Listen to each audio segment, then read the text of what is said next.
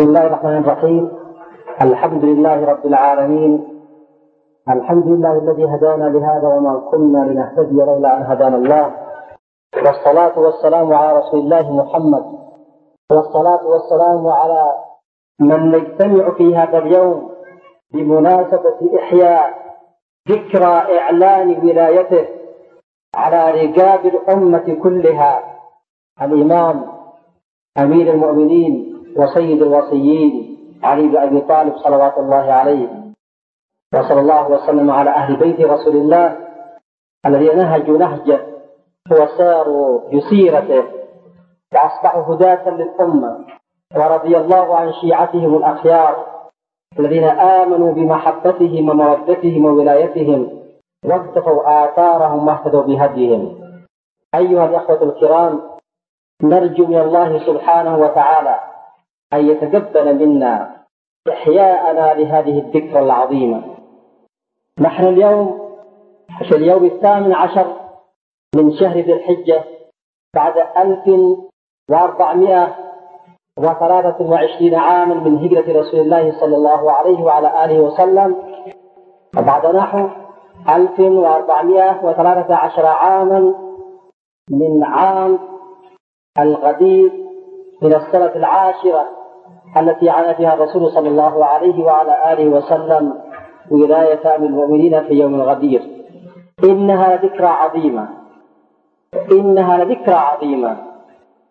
وإن من المفارقات العجيبة أن تأتي هذه الذكرى هذه الذكرى والأمة الإسلامية والعرب بالذات مقبلون على فرض ولاية أمر من نوع آخر. ولاية أمر يهودية ولاية أمر صهيونية. لتعلم الأمة كم كانت خسارتها يوم أن رفضت إعلان ولاية أزكى وأطهر وأكمل شخص بعد نبيها في مثل هذا اليوم؟ فها هي اليوم ها هي اليوم تقف باحثة تقف عاجزة تنتظر بدلا عن علي شارون تنتظر بدلا عن محمد ليعلن تنتظر بوش ليعلن هو من الذي سيلي أمر هذه الأمة. إنها مأساة حقيقة أيها الإخوة. ونحن عندما نحيي هذه الذكرى عندما نحيي ذكرى إعلان ولاية الإمام علي عليه السلام فإننا نعلن أن الدين حسب مفهومنا.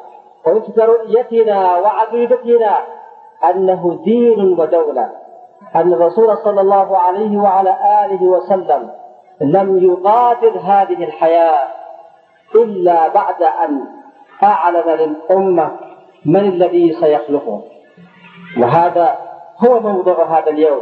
ففي مثل هذا اليوم من السنة العاشرة وبعد عودة الرسول صلى الله عليه وعلى آله وسلم من حجة الوداع مع عشرات الآلاف من جموع المسلمين وقف في صحراء أو في وادي خم منضدة بين مكة والمدينة وهي أقرب ما تكون إلى مكة بعد أن نزل عليه قول الله سبحانه وتعالى يا أيها الرسول بلغ ما أنزل إليك من ربك وإن لم تفعل فما بلغت رسالاته والله يعصمك من الناس. إن الله لا يهدي القوم الكافرين. بعد نزول هذه الآية ففي وقت الظهيرة في وقت حرارة الشمس وحرارة الرمضاء أعلن رسول الله صلى الله عليه وعلى آله وسلم لمن تقدم أن يعودوا وانتظر في ذلك المكان حتى تكامل الجمع. وبعد ذلك رصت له أكتاب الإبل. رصت له أكتاب الإبل ليصعد عاليا فوقها لتراه تلك الأمة إن كان ينفعها ذلك. لترى لتشاهده وهي تعرفه بشخصه. لترى عليا يد رسول الله رافعة بيده وهي تعرف شخص علي. ومن فوق تلك الأكتاف يعلن موضوعا هاما يعلن قضية هامة هي قضية ولاية أمر هذه الأمة من بعده. ولاية أمر هذه الأمة من بعده صلى الله عليه وعلى آله وسلم.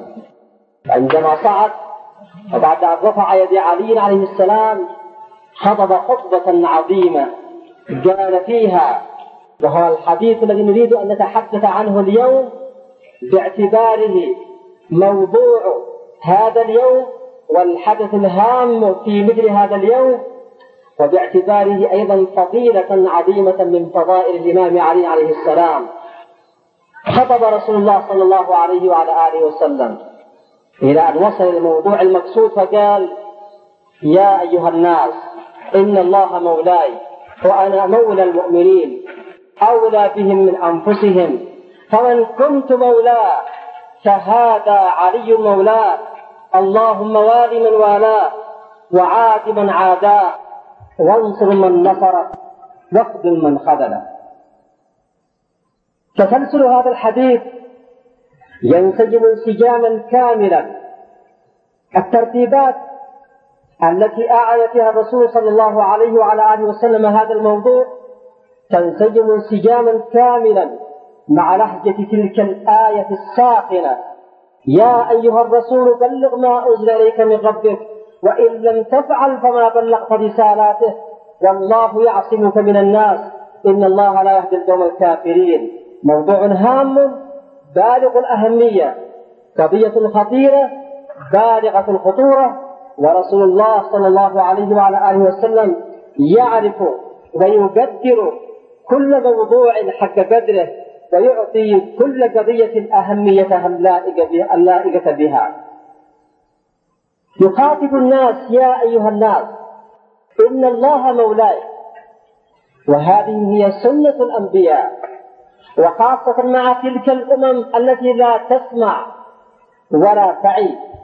فقد قال نبي من أنبياء الله من بني إسرائيل عندما سأله قومه أن يبعث لهم ملكا يقاتلون معه وتحت رايته في سبيل الله. ماذا قال؟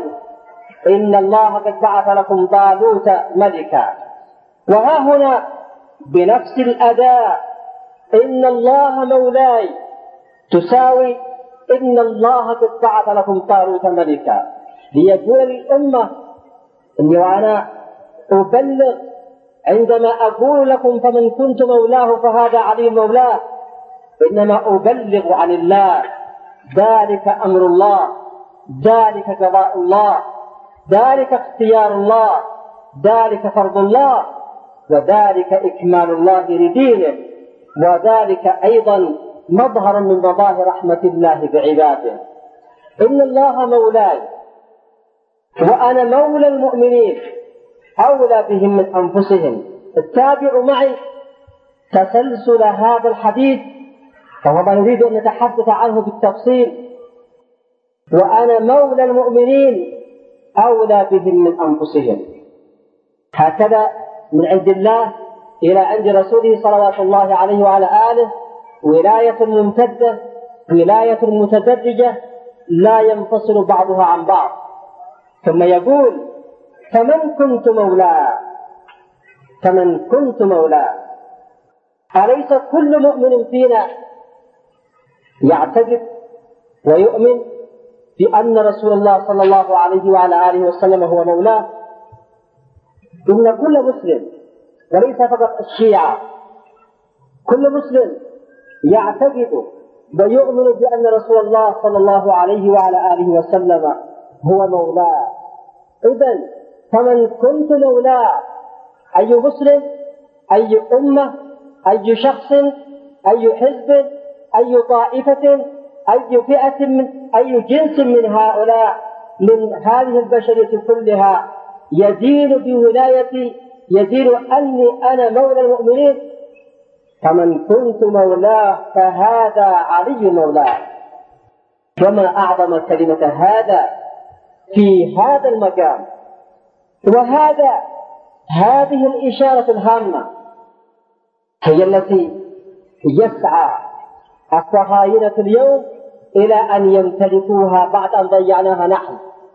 بعد أن ضيعت هذه الأمة عقيدتها في من هو الذي يملك أن يقول لها هذا أو هذا جاءها اليهود ليقول لها هذا.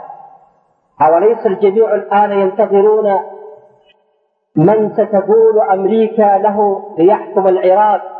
هذا هو حاكم العراق. أولم يقولوا قبل هذا هو حاكم أفغانستان. وسيقولون من بعد هذا هو حاكم اليمن وهذا هو حاكم الحجاز وهذا هو حاكم مصر وهذا هو حاكم سوريا. وهلم جرا. للأسف الشديد أيها الأخوة أضاعت هذه الأمة. أضاعت عقيدتها في من هو الذي يمتلك أن يقول هذا ورسول الله بعد أن فهمها أن الله مولاي وأنا مولى المؤمنين ثم يقول فمن كنت مولاه فهذا. هذه الإشارة هي إشارة تمتد إلى الله سبحانه وتعالى أنه هو. ورسول الله يقول لنا إن من يملك أن يقول لهذه الأمة لعباده هذا أو هذا ولي أمركم إنه الله سبحانه وتعالى. لكن تذكرنا من بعض لتلك الإشارة العظيمة.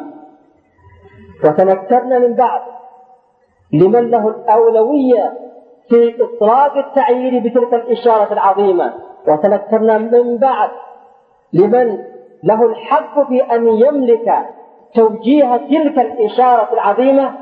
فكان ممن سمع رسول الله صلى الله عليه وعلى آله وسلم في ذلك الحفل في ذلك الجمع الكبير كانوا هم أول من قالوا لا وإنما هذا ونحن اليوم نفاجأ ويفاجأ حتى ولاة الأمر في كل هذه البلاد الإسلامية على طولها وعرضها الآن يفاجؤون من واشنطن وتل, وتل أبيب بنفس المنطق الذي فاجأوا به رسول الله صلى الله عليه وعلى آله وسلم. لا ليس صدام وإنما هذا. لا لا يكون على عبد الله وإنما هذا. لا ليس فهد أو عبد الله وإنما هذا. وهكذا سيتعاملون مع هذه الأمة كما تعاملت هذه الأمة مع نبيها. للأسف الشديد بعد ذلك العمل العظيم بعد تلك الترتيبات التي كشف بها الرسول صلى الله عليه وعلى آله وسلم أهمية ولاية أمر الأمة يأتي من يقول لا لا وإنما هذا لماذا هذا؟ ما هي سابقته؟ إن من انصرفوا عمن وجه الرسول صلى الله عليه وعلى آله وسلم الإشارة إليه لتعيينه بعد رفع يده وبعد صعوده معه فوق أجساد الإبل إنهم للأسف الشديد لا يعرفون ماذا وراء هذا. إن كلمة هذا تعني هذا هو اللائق بهذه الأمة التي يراد لها أن تكون أمة عظيمة. هذا هو الرجل الذي يليق أن يكون قائدا وإماما وهاديا ومعلما ومرشدا وزعيما لأمة يراد لها أن تتحمل مسؤولية عظيمة. يناط بها مهام جسيمة. هذا هو الرجل الذي يليق بهذه الأمة ويليق بإلهها. أن تكون ولايته امتدادا لولاية إلهها العظيم. هذا هو الرجل الذي يليق بهذا الدين العظيم أن يكون من يهدي إليه أن يكون من يقود الأمة التي تعتنق وتدين به وتتعامل مع مع بقية الأمم على أساسه. يجب أن يكون مثل هذا رجل عظيم ليليق بدين عظيم بأمة عظيمة برسول عظيم بإله عظيم وبمهام عظيمة وجسيمة. ولكن ماذا حصل؟ إن أولئك الذين انصرفوا. عمن وجه الرسول الإشارة إليه. هم للأسف كما أسلفنا لا يفهمون ماذا وراء هذا. والمسلمين من بعد في أغلبهم لم يفهمون أيضا ماذا وراء قول الرسول هذا. وعمن يعبر الرسول في قوله هذا. إنه يعبر عن الله. لم يكن أكثر من مبلغ عن الله بعد نزول قول الله يا أيها الرسول بلغ ما أنزل إليك من ربك. وها نحن ما نزال في هذا الزمن أيضا لا نفهم ماذا وراء قول الرسول هذا ولا نفهم ولم نسمح لأنفسنا أن يترسخ في مشاعرنا في عقيدتنا من الذي يمتلك أن يقول لأمتي هذا؟ فإذا جئنا نفاجأ بآخرين يريدون أن يفرضوا علينا. هذا أو هذا؟ وهل يتوقع من أمريكا؟ هل يتوقع من تل أبيب أن تقول للأمة هذا إلا إشارة إلى رجل لا يهمه سوى مصلحة أمريكا؟ يكون عبارة عن يهودي يهودي يحكم الأمة مباشرة أو أمير يهودي أو شبه يهودي يحكم إقليما معينا فيكون الجميع كلهم ينتظرون ما الذي ستقول له أمريكا أبيب هذا. وها هم الآن يثقفون بهذه الثقافة. يوم كانت المخابرات الأمريكية هي التي تغير بالسر فتطلع هذا أو تضع هذا أصبحت الآن تخاطب الشعوب نفسها تخاطب الشعوب بأننا سنضع حاكما على العراق أمريكيا حاكما عسكريا أمريكا تستطيع أن تغير صدام تستطيع أن تعمل انقلاب بشكل سري كما عملت في كثير من البلدان لماذا لا تعمل ذلك؟ لأنها تريد أن نفهم جميعا أن نفهم جميعا أنها من سيكون لها الحق في أن تقول هذا. إنها تريد أن يترسخ في مشاعرنا جميعا في أذهاننا جميعا أنها هي التي تملك أن تقول لنا هذا. وسيمشي هذا يوم أن ضيعنا قول الرسول صلى الله عليه وعلى آله وسلم وشير إلى الإمام علي هذا ولم ندري كما أسلفنا عمن يعبر هذا أسف شديد. أيها الأخوة نحن نقول إن هذا اليوم إن الموضوع المهم في مثل هذا اليوم هي ولاية أمر الأمة. هي ولاية أمر الأمة. ولقد تعاقب على هذه الأمة على مدى تاريخها الكثير الكثير ممن كانوا ينتهزون ولاية أمرها ويتجافزون على أكتافها جيلا بعد جيل جيلا بعد جيل. وإذا ما رأوا أنفسهم غير جديرين بأن يلوا بأن يكونوا ولاة لأمر هذه الأمة فإنهم سلكوا طريقة أسهل من أن يكون ولم يستطيع أن يكون بمستوى ولاية أمر هذه الأمة فسلكوا طريقة أخرى هي تفجير الأمة لتتقبل ولاية أمرهم. هي تثقيف الأمة ثقافة مغلوطة لتتقبل ولاية أمرهم. فكان الضحية هو المفهوم الصحيح العظيم لما تعنيه ولاية الأمر في الإسلام. فبدأ مثل معاوية أميرا للمؤمنين. ويزيد أميرا للمؤمنين. ويقول هذا أو ذاك من الخطباء أو العلماء أو المؤرخين تجب طاعته. يجب طاعته. لا يجوز الخروج عليه. يجب النصح له. وما زال ذلك المنطق من ذلك الزمن إلى اليوم. إلى اليوم ما زال قائما. نسينا جميعا. أن الرسول صلى الله عليه وعلى آله وسلم يوم أشار إلى علي فإنه في نفس الوقت الذي يشير إلى شخص علي إنه يشير إلى ولاية أمر الأمة إلى ولاية الأمر المتجسدة قيمها ومبادئها وأهدافها ومقاصدها في أمير المؤمنين علي بن أبي طالب صلوات الله عليه. هؤلاء لم يكلفوا أنفسهم عناء كثيرا.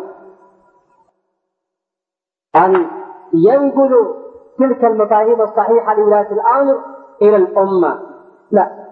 بل قالوا أن الرسول صلى الله عليه وعلى آله وسلم قال سيكون بعدي أئمة لا يهتدون بهدي ولا يستنون بسنتي.